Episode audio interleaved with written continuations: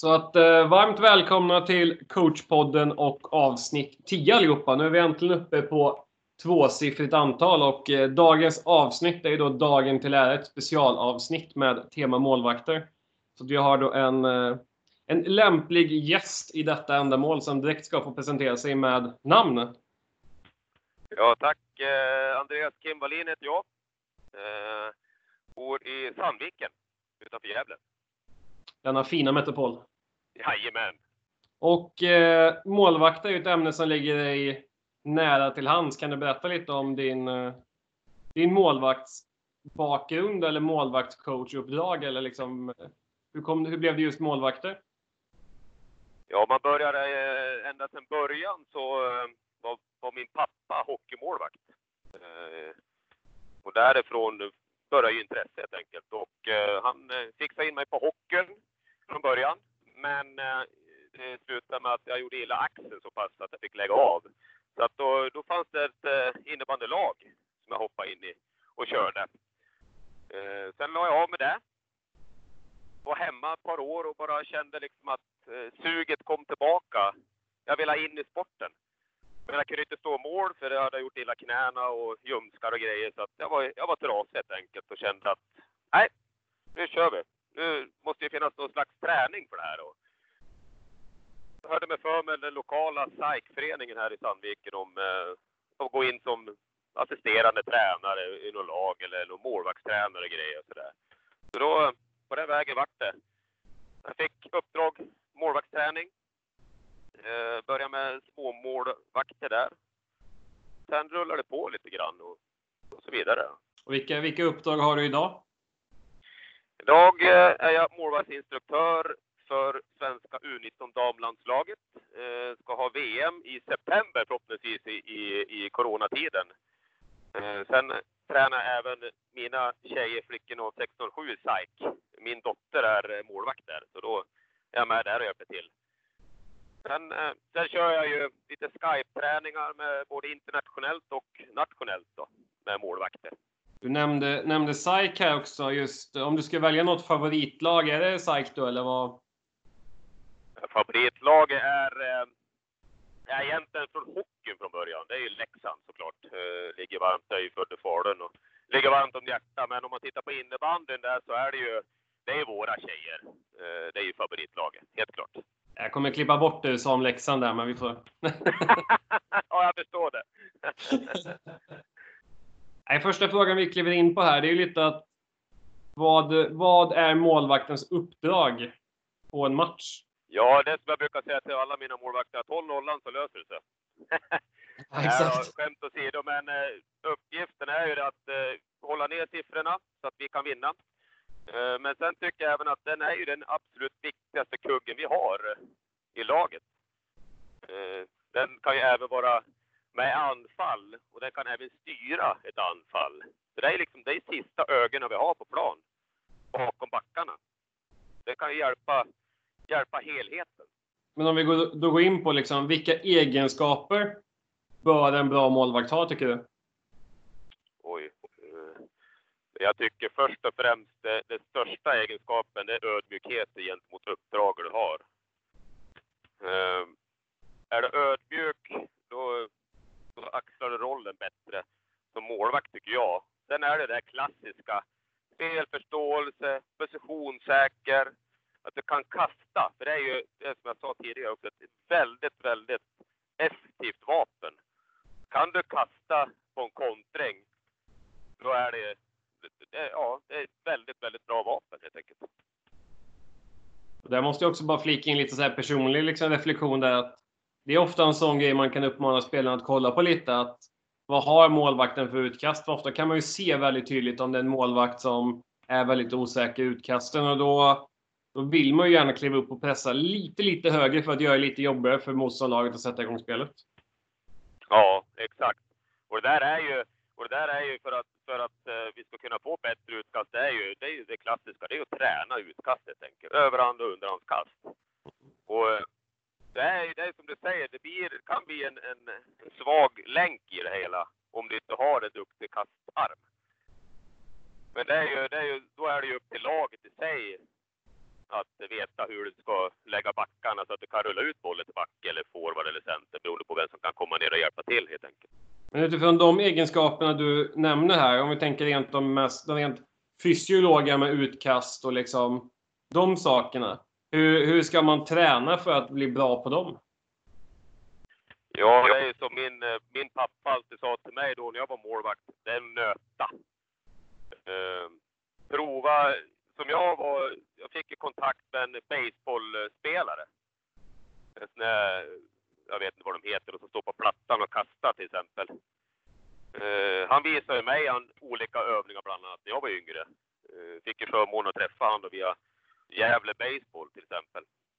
Och det är sådana där grejer man, jag tycker man bör, bör vara lite omvärldsbevaka. Uh, hör med en baseballförening eller de som är duktiga på att kasta, ta in lite influenser därifrån. Den där var fruktansvärt intressant faktiskt.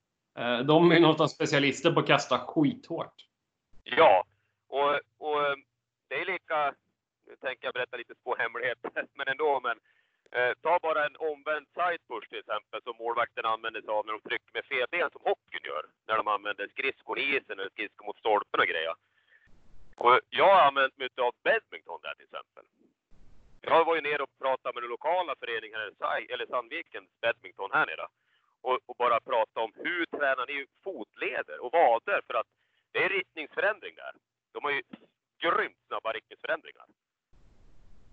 Och då, då ställer jag frågan, hur tränar ni det här? För att inte slita sönder fotleder och, och, och såna här grejer.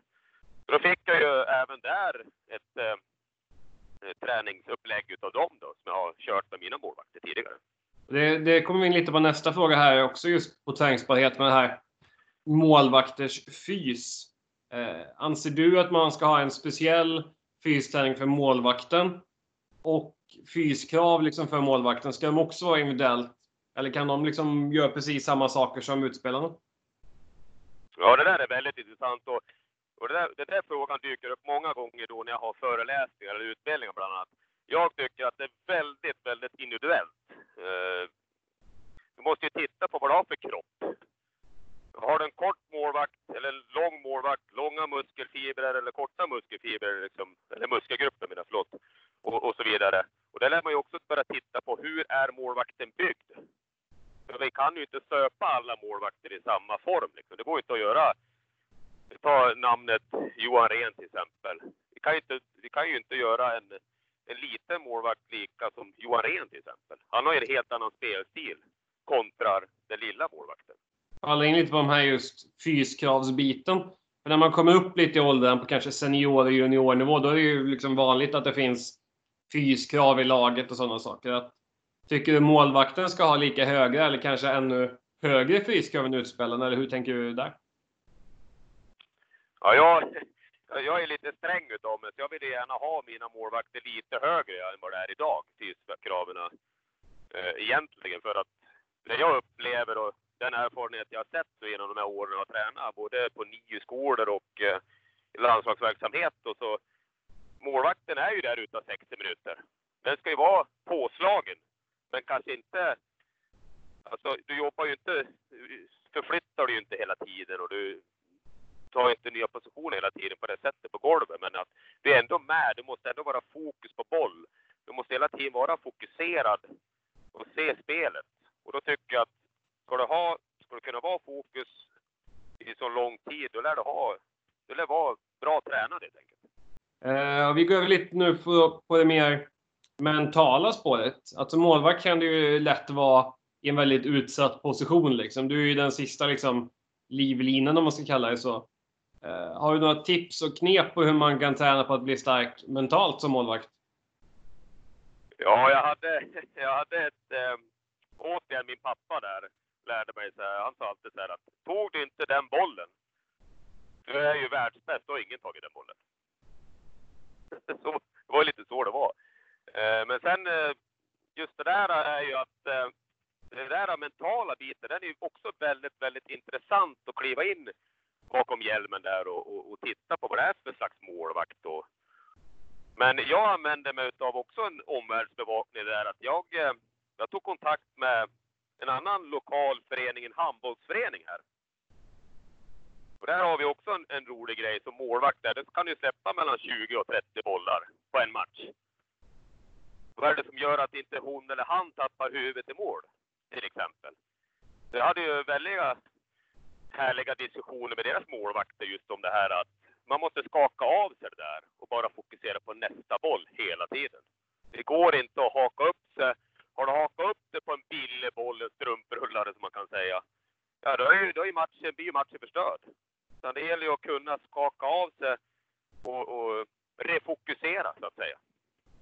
Jag hörde ett exempel någon gång att en målvakt ska vara som en guldfisk, för guldfiskar kommer ihåg, de har ett minne på ungefär tre sekunder. Ja, exakt. Och det är ju också ett väldigt bra sätt att eh, uttrycka sig, ja. Det är väl samma sak att om man gör en bra insats, säger man gör en skitsnygg räddning, utkast, assist, att man inte får hybris heller. Nej, och det har man ju också sett en mycket, mycket del utav det här att eh, man gör en TV-räddning, så kallad TV-räddning, och man blir ju helt rabiat och man tycker att åh vilken grej. Och så rinner det in en jättebillig boll efteråt. Mm.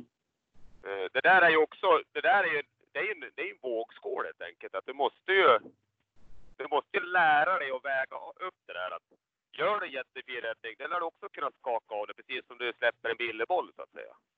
Vi spinner vidare lite på, på just de här träningslika och saker man kan förbättra. Vi har fått en fråga som är väldigt specifik och det är om du har några specifika övningar med utkast i matchliknande situationer som du kan rekommendera? Ja, där har jag en som jag absolut använder mig mest utav. En, en, en liten utav min favorit faktiskt. Är en, eh, om alla känner till rock'n'roll-övningen så är det en omvänd sån. Eh, man har spelare mitt på plan, en spelare framför målvakten. Så skjuter den spelaren mitt från plan mot målvakten på sånt, sånt bra skott så att målvakten kan greppa. För att man ska försöka få fram grepp... Äh, oh, nu tappade jag ordet. Grepptekniken? Tack! Grepptekniken där. Att man ska kunna, att målvakten inte behöver överarbeta situationen utan ganska lätt plocka in boll. Den som är framför mål då, den springer ner i runden och springer upp mellan två koner som är placerad mot sargkanten på halva plan. Då kastar målvakten emellan de konerna. Och den spelaren som får då bollen emellan de konerna, de vänder och kommer på avslut på den målvakten som kastar på samma målvakt. Är du med på den? Mm, mm. Den är ju en, en, en, favorit som jag tycker. Då behöver man inte, för rock'n'rollen i sig, jag vet inte vad han kallas, men jag har alltid hört han rock'n'roll, men då lär du tajma in den bortre målvakten hela tiden. Du lär ha sån timing allting. Och eh, fumlar du till det på andra sidan, då står du ju still med bollen så att säga. Men här är det ju bara på din planhalva hela tiden. Här kan du ju högintensiv träning eller bara liksom lugna ner lite grann också. Så att det är liksom upp till målvakten själv där. Du kan ju också säkerställa att det blir väldigt många utkast i den övningen. Ja, det blir eh, sjukt mycket utkast i det det, det så är det. Och och sen kan du, ja, sen kan du göra om den där att du kommer på friläge, friläge till exempel. Istället för att du skjuter från halva plan, då kommer den på friläge. Och så vidare. Det blir som en straff ungefär. Det, det är liksom varje, går ju att variera det hur mycket som helst egentligen. Jag brukar försöka, jag har ju också en liten favorit här vi måste kasta in. Det. Och det där är ju inte utkastet liksom, det, det är liksom huvudfokus i delen. Men när vi spelar match vi att jag är målvakt på min planhalva, du är målvakt på din planhalva och så har vi då varsitt lag. Och så fort bollen går utanför sargen, går bollen utanför sargen på din planhalva, då har du ett gäng bollar som ligger på mål. Du kastar ut bollen till ditt lag oavsett vem det var som sköt ut den. Och jag gör samma sak på min planhalva. Att går bollen ut över sargen, då rullar jag direkt in en ny boll. Då undviker man också att det blir massa avbrott i spelet för att någon utespelare ska springa och hämta en ny boll, utan då blir det liksom det här intensiva liksom matchspelet på träning i 10-15 minuter. Och vanligtvis blir det ju liksom hyfsat mycket utkast. Så att jag, jag tycker det är värdefullare att få in utkasten i matchspelet än inslag från hörn till exempel hela tiden. Ja, exakt. Och det där är ju och det är där man vill komma åt. Det är ju matchlika övningar hela tiden. Jag tycker inte om de här jag brukar inte använda mig av de här låga, liksom de här man ska liksom såsa igenom allting. Utan det ska vara högintensivt. muskelminne. Du får ju fram ett muskelminne utav det så att säga. Och det tycker jag är, är värt. Det måste du ha. Vad ska man tänka på om man vill förbättra sitt positionsspel? Eh, det där är, tycker jag, den där frågan är, tycker jag, den där är riktigt rolig att bita i. Eh, den där tycker jag är intressant. Eh, som, jag har ju haft eh, gladeligen en mentor jag har haft på senaste åren. Det är ju Pekka Alsen från hockeyn. Tränar Brynäs bland annat och väldigt duktig målvaktstränare. Eh, vi har ju haft mycket diskussioner angående det här med positioner i mål. De har ju sina, de har ju sin teckningscirkel. De har ju sin eh, blå och röda linje eller vad allting det där är. Vi har ju inte de där bitarna egentligen på plan. För alla planer är ju, de flesta i alla fall, har ju handboll, badminton och massa sådana linjer. Det man måste, tycker jag, lära sig framförallt, det är att orientera sig själv i målgården. Du måste förlita dig på ditt preferensseende i målgården. Du måste kunna ha koll på boll, men sen ska du kunna utnyttja linjerna i målgården, för de är ju alltid densamma. Det är där du lär lära dig vart du har hörna på målgården till exempel och sådär. Utifrån vinklar. Är du med på hur jag tänker där? Ja. Eh, det där är ju väldigt, väldigt viktigt att man, man gnuggar på, man provar sig fram. Man sätter upp korna där borta på vänster. Du sätter upp en kona mot höger, så går det från vänster till höger. Så tittar man upp, vart hamnar jag här? Okej, okay, nu övergled jag. Men varför övergled jag till exempel? Jag tog nog i lite för mycket. Och så hittar man den positionen. Då får du in ett muskelminne hela tiden. Att du jobbar. Det är ju egentligen klassiska det här, nöta. Det är det som gäller. Du var inne lite på, på personer man kan ta efter sånt där. Men eh, jag har en fråga. Har du någon målvakt som du ser upp till idag? Ja, men den, den, den har ju lagt av för många, många år sedan. Får man ta den? Absolut. Det är min far.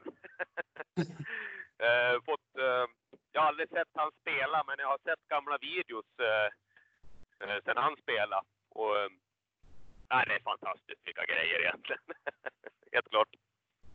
Finns det någon annan målvakt om man tänker liksom som aktiv inom innebandy idag som du tycker att den här är väldigt intressant att kolla på liksom utifrån någonting? Ja, jag tycker, jag har liksom ingen sån här riktig, vad ska man säga, eh, sätta fingret på liksom så, utan jag tycker att mycket upcomers, eh, rigmålvakter, du har några från Örebro som, och sådär. Det är mycket yngre målvakter jag tycker börja anamma lite mer annorlunda spelsätt och sådär. Det tycker jag. Jag har väl ingen riktig sådär, så att säga. Så eller? Jag hade ju en målvakt jag tittade extremt mycket på var ju Sara Hjorting i Pixbo. Uh, nu spelar ju inte hon längre, så det... Men uh, det var nog det i närmast jag tyckt hittat en, vart en komplett målvakt. Ja. Sen har du ju ändå på, på, på här sidan jag tycker det är ju, det är Pontus då. Tegnér. Mm. Eh, sen har du ju, tycker jag faktiskt, en kille jag tycker har vuxit väldigt mycket de sista åren. Det är ju faktiskt Emil Lilja i Falun. Har också gjort en, en bra resa så att säga med, med både position och eh, agerande i mål. Då. Lugna sig lite grann. Men om man skulle gå lite på ytterligheterna här då, om man vänder från eh, målvakter från yppersta eliten till någon som precis blivit målvakt, mm. kanske på lite yngre nivå. Vad, vad skulle du tipsa att man kan börja träna på? Ja, det är ju först och främst eh, det jag, det jag åker ut på igen då, eh, ute i föreningarna som kanske har en, en yngre målvakt. Då är det ju, det är ju grundpositionen som jag tycker är väldigt viktig. Att, att du får in den först och främst. Hur sitter du bäst bekvämast?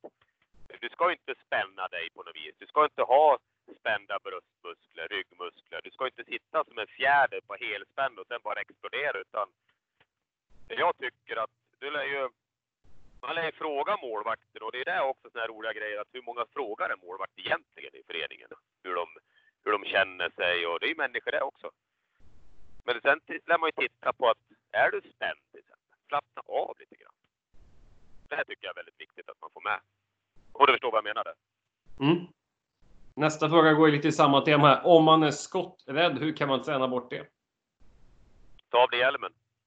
Nej då. Uh, det där är också en intressant fråga. Det, jag har faktiskt tränat en väldigt, väldigt skotträdd målvakt förut som rynkade undan, gjorde hon. Men det, då började jag med att jag kastade en boll löst på hjälmen. Hon fick ju sitta i grundposition då. Och så fick hon liksom nicka bollen. Uh, är du med på det? Mm. Uh, då fick hon sitta och nicka så här. Och till slut så började hon ju känna att det här, det här är inget farligt. Men det där, det där är också individuellt hur lång tid det kan ta. För, för henne tog det ju en halv säsong innan hon ens vågade stå när hon sköt handledsskott till exempel. Uh, så att det är ju, det där är ju, nej, man får ju liksom baby steps så att säga. Försöka få dem att, att inse att det är inte farligt helt enkelt. Mm. Det finns ju olika varianter på det där också, men så där har jag gjort i alla fall och det, det har ju funkat. Det här känns som en klockren fråga från en typ utespelare som eh, kan vara något bitter, men jag känner igen mig i situationen. Vad tycker du om målvakter som kliver av mitt i en övning på till exempel matchvärmning? Ja, jag kan säga att du har nog dragit av taktiktalen ur knä. Eh, jag eh, ogillar det skarpt kan jag säga. Jag tycker framförallt att målvakten ska vara varm innan de kliver in på plan till och med. De ska inte sitta och, och lalla när det är uppvärmning så, utan de ska, de ska börja tidigare, sitta före, stretcha ut, uh, jogga igång så att de är varma och kliver på plan. Men sen tycker jag även att där, där lär jag flika in faktiskt. Sen tycker jag att boll, alltså bolltouchen på målvakten måste ju ändå fortfarande vara de här lösa skotten på målvakten så att du får in den här känslan på bollen innan du successivt ökar skottkraften. Den tycker jag ska fortfarande finnas kvar. Då, ska jag testa en liten teori här på dig, för jag, jag ogillar ju liksom saker på en plan som inte är 100 eh, av någon form av principskäl.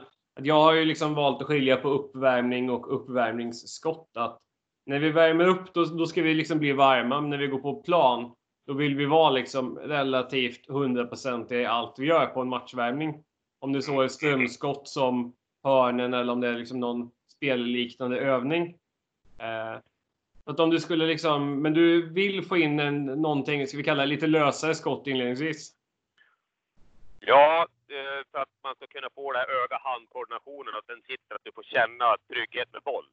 Nästa fråga här, det är lite eh, frågor om, eh, kanske inte så mycket målvaktsspel, men ett ack så viktigt inslag i målvaktens eh, vardag. Finns det någon helig regel som säger att målvakten måste ha något särskilt nummer, till exempel 1, 30, 31 och så vidare? Nej, jag tycker att det är fritt, fritt val. Men det där är ju lite grann, om man bara reflekterar på hur jag var när jag stod. Då var det ju vänster knäskydd före höger till exempel. Alltid vänster sko. Eh, vänster eh, byxa du ja, satt foten igenom och sådär. Det där är ju lite, också väldigt individuellt, men jag var ju väldigt skrockfull ja, så att eh, det där blir nog väldigt individuellt det jag ska titta på. Ja, ja, ja, jag vet inte. Jag tycker nog inte att det finns någon sån oskriven regel eller? Det gör det väl inte. Utan, det, det svåra med nummer brukar väl snarare vara liksom att det ska matcha in med matchstället? Ah, jag har aldrig varit det där. Jag själv har aldrig varit någon freak när det gäller nummer på det sättet. Utan att, ja, jag, jag slängde på mig en tröja, men det var, var det jag kände som jag sa. Det, var, det viktigaste för mig då, det var ju knäskyddet. Vänster före höger. Allt vänster före höger liksom, med allting. Arm in genom tröjan. och sådana här grejer liksom. Det blir ju, jag vet inte vad det där kallas. Skulle du kunna vara, vi säger så här, du har en målvaktströja som är skitful. Eh, skulle du bry dig om hur den ser ut eller liksom är du sån där som måste ha snygga grejer eller vad, vad tänker du där? Ja, jag kan ju säga så här att på min tid när jag stod, då var det ju Jolly på tröjorna såg ut som jag vet inte vad. Hippietröja alltihopa. Så att, eh, jag vet inte så har jag aldrig brytt mig. Eh, men eh, jag kan ju köpa det där lite grann idag att eh, det är ju alltså, vissa ställ är ju supersnygga. Helt klart. Och ja, det där är väl också lite grann det här att, som jag sa, vänster före höger. Att det kanske är någon målvakt som känner att nej, men jag vill ha lite snyggare ställ och jag, jag passar i, i det här. Och, det är ungefär som snygg sida på ett foto, om du förstår vad jag menar. Men om man skulle väga in, kan det finnas någon fördel i att ha ett jätteskrikigt, typ rosa ställ? Att man tänker att det kanske kan bli störigt för skytten? Det där har vi ju har vi haft på diskussion förr också, just det här stoppmärke på bröstet. Det fick man ju inte ha något mer, bland annat. Du hade väl allsvenskan i fotboll? Hade inte de här neonliknande målvaktsställen? Ja, precis. Och Hur där, bygga upp sig mycket av periferiseendet på något sätt? Eller att det påverkar liksom något sånt? ja, för du vill ju som målvakt vill du hela tiden att skytten ser dig. Mm. Du vill ju inte som målvakt eh, se nät, alltså, alltså att utespelaren bara ser nät, för då, då, då har ju de ett självförtroende. Du vill ju förstöra deras självförtroende och du vill ju förstöra deras eh, fokus på att skjuta mål. Och har du väldigt eh, skriket eller att du är i vägen, det blir ett störningsmoment. Så, så enkelt är det ju egentligen. Nästa fråga är väl en, eh, kanske en av de viktigaste hittills. Eh, hur man tacklar en roll som andremålvakt. Ja du, den där, där kan jag säga att det där har varit det har varit väldigt svårt för mig, vissa målvakter också, att motivera en, en, en andra målvakt. Men jag tycker att det man, det man tycker, eller det jag tycker att man behöver göra, det är att man inte har en första andra målvakt på det sättet. Utan man har växlande målvaktsroll, för de är ju lika viktiga, både, båda målvakter är lika viktiga för laget. Jag tycker att man, eh, man ska försöka matcha dem så mycket som möjligt. Kanske inte liksom att man sätter... Om man tänker att du har jättebra målvakt och mindre bra målvakt. Då kanske man bör ut, eh, ja, se på vilka möter man och så vidare. Vilken kan jag placera den här målvakten på eller och så vidare. Det här är ju jättesvårt det där men eh, tackar det som andra målvakt det är ju det är ju att tumma ryggsäcken. Man måste ju vara öppen med det, hur man mår tycker jag. Och där är det ju också en, en, ett klimat jag tycker att tränare och, och, och lagkamrater förstår att det är inte så jäkla kul att sitta på bänken i 60 minuter match ut och, och hela tiden. Nej, mycket kommunikation. Som sagt, tränarna har ju jätteansvar där att lyssna på sin målvakt och kunna förstå, sätta sig in. Jag var ju väldigt förbannad på det när jag spelade själv, när jag fick höra spelarna i tredje linan till exempel att ja, jag fick bara spela sex byten den här matchen. Ja, men du är lugn här nu. Jag fick sitta 60 minuter. Ja. Är du med på hur jag ja, tänker det? Ja. Mycket kommunikation och som sagt, det ligger mycket på tränarna att man inte att man inte sätter dem i ett fack bara för att de ställer frågor eller gnäller så att säga. Utan att man måste få uttrycka sig tycker jag. För det är ju det. Kommunikation är det viktigaste vi har. För att kunna förmedla till varandra hur man mår och känner så att säga. Och det där är ju också väldigt mycket där om man, om man bara flikar in där att hur många tränare verkligen pratar med sina målvakter. För det är ju en människa. Vem ställer frågor till dem? Och så vidare. Det är ju... Ja, jag upplever ju på många gånger när jag är ute bland föreningar och klubbar och sådär att nej, jag vill inte, jag vill inte ta i det där för jag har liksom ingen kunskap. Ja, men det är en människa. Fråga bara. Mm. Så upplever jag det i alla fall. Men om man skulle, du, du får välja ett scenario här. Antingen har du två, vad ska vi kalla det, jämnbra målvakter som är liksom ganska jämna i alla delar. Eller att du har ett målvaktspar som består av en målvakt som är långt före den andra. Liksom. Vilket scenario hade du helst haft? Eh, personligen skulle jag välja hellre två jämna. Eh, sen är det lite grann på också hur jämn de är och vad, vad, är det, vad har de för spetskompetens och grejer. Men det är också det där att som målvaktstränare så är det ju där lär du vara proffsig alltså. Där lär du kunna se skillnaden. Vad, är, vad besitter den målvakten på för spetskompetens kontra den andra? För jag menar, jag har ju, som jag sa, jag har tränat både Hill och Axelsson och Ren och Lilja. Jag menar, där, redan där har du bara fyra olika spelstilar. Mm. Så det där är ju, Eh, jag vet inte om det är svaret på din fråga, men jag, vill lyfta det där för det är, det är inte lätt heller att vara målvaktstränare om du har fyra olika spelstilar. Så, så enkelt är det. Men det är där, det är där jag vill liksom trycka mycket på. Det är ju den här kommunikationen, att du kan prata med dina målvakter. Få fram vad vill de? Och vad du vill också framför allt. Det är eh, goda kommunikationen så att säga. Lite här med målvaktsspel, du var inne på att det finns många olika typer, men om vi tänker, vad kommer att vara nästa trend i målvaktsspel? Vad, vad är nästa liksom, genombrott som kommer att ske liksom, på det tekniska? På det tekniska genombrottet tror jag nog att, jag tror det här, jag tror det faktiskt går lite i cykler. Eh, förr, då var man långt ute och spela. Då har man, då har man skurit av centrallinjen och pressar över spelarna på en sida och så går, kan målvakten gå långt ut och så vidare. Nu, nu siktar man mycket på det här diagonalpassen, så målvakten lär krympa in lite i kassen och jobba mellan, mellan stolpe och stolpe. Men jag tror, eh, jag tror inte någon ny teknik på det sättet, utan jag tror det mer, jag tror det mer går i cykler. Om det är mm. svaret på din fråga, jag vet inte riktigt så. Det är väl samma sak även utespelarmässigt att för massa år sedan så var det ju, då spelade ju väldigt många något man-man-liknande eller tjej-tjej-liknande försvarsspel och så vidare. Eh, sen blev det mer zon och nu är man tillbaks till ett mer en mot en försvar där man liksom duellen mot sin spelare och tycker att det är modernt. Liksom. Men det är, det är ju liksom bara en repetition av hur, hur liksom innebanden förändras genom åren. Ja, det, det, det, det håller jag med om. Jag, och jag tror, jag tror faktiskt mer på att det är i cykler allting. Och så är det ju med allting. Och jag menar affärsliv och ja, med privata sektorn överlag också. Det är, det är mycket cykler som liksom går. Så jag tror, jag tror, det, jag tror det ligger mer i sådana bitar faktiskt. Ska vi se, då har vi en, det är en underbar fråga. Eh, när man blir utsatt för smurfskott. Smurfskott. ja, smurfskott. De som är tre decimeter ovanför marken, precis ovanför benet och under handen. Hur tar man dem? Ja, jag har ju haft förmån att få haft en spelare som jag bara älskar sitt spel.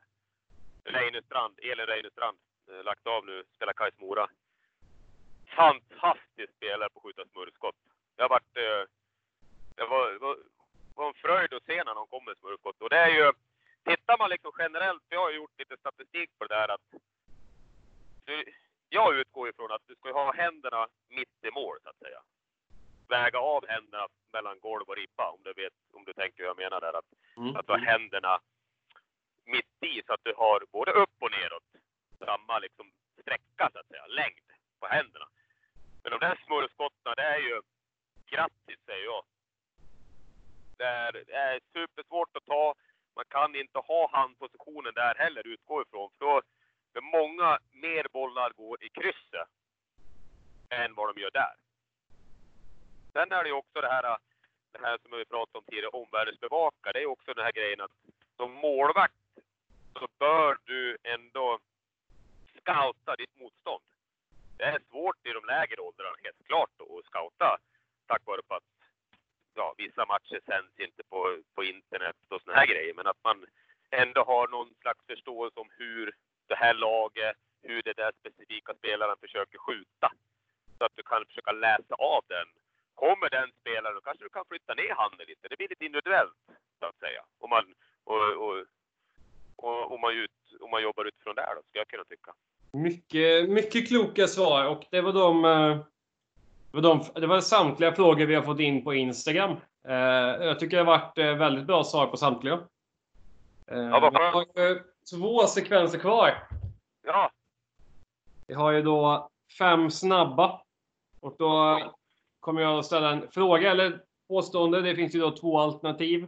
Du ska svara impulsivt och spontant.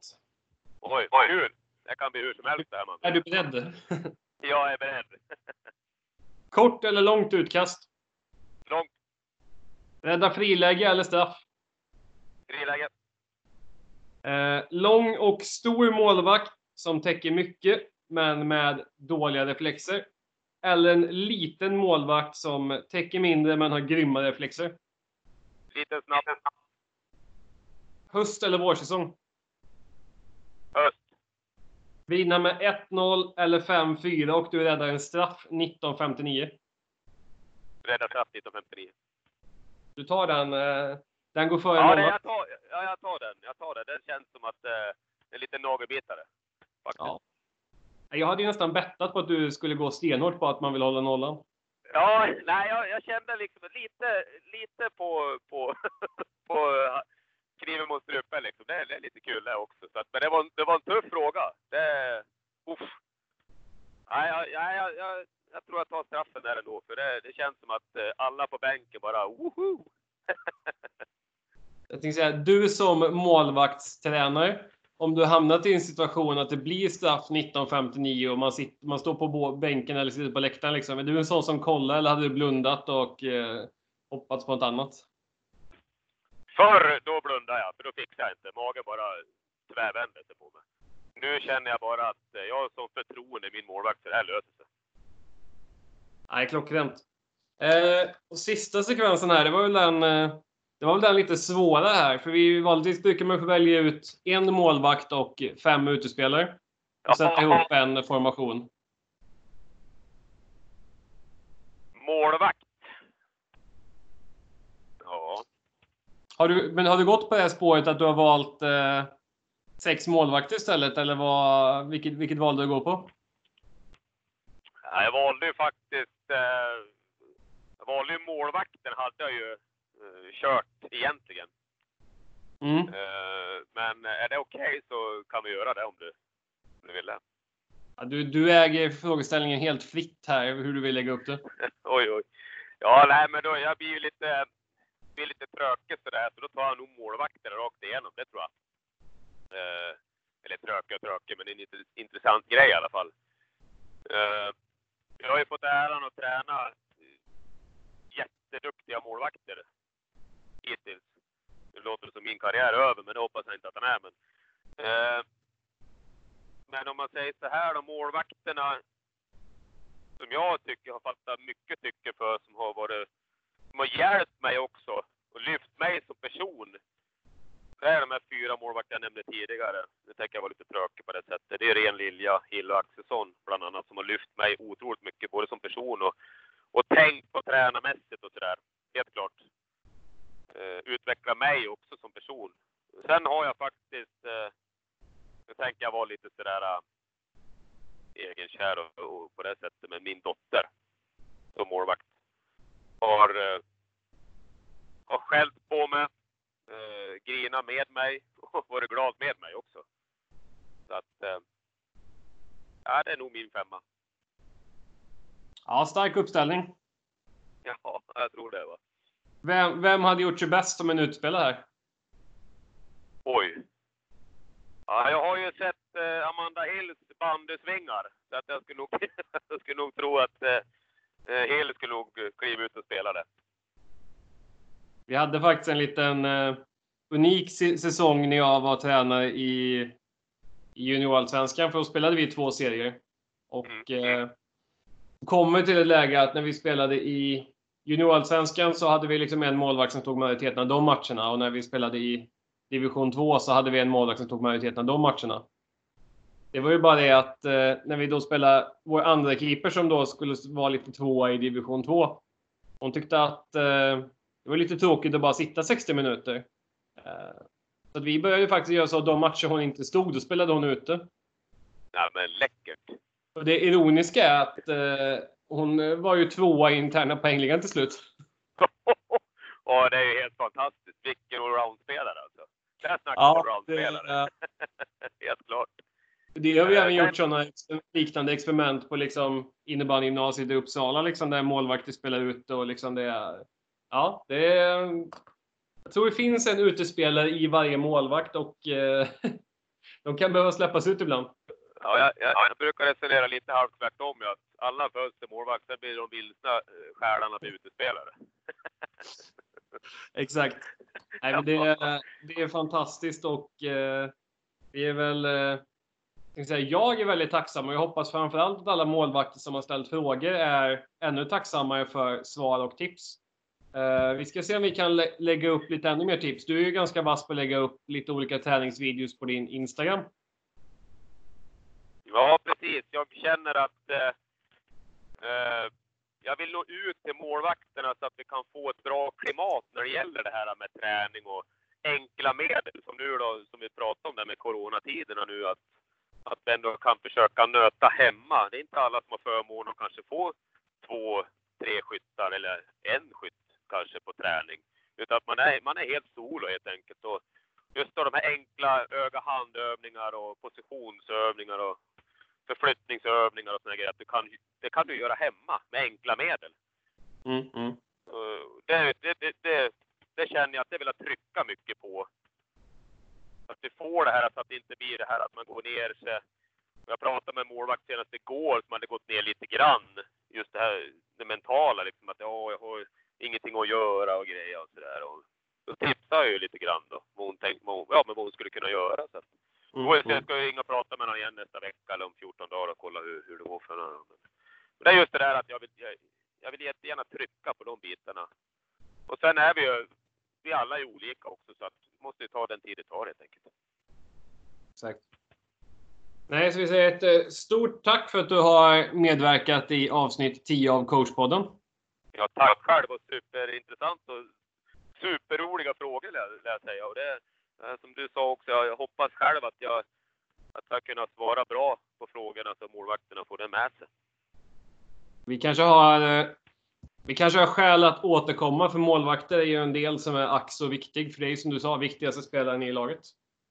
Ja, precis. Och, men det är också det tänkte jag flika in på en gång att frågan är ju om, om, om lagen och tränarna och föreningarna verkligen förstår att det är den viktigaste spelaren. Jag upplever ibland att det kanske inte är så riktigt. Jag hoppas att den, den mentaliteten ändrar sig mer.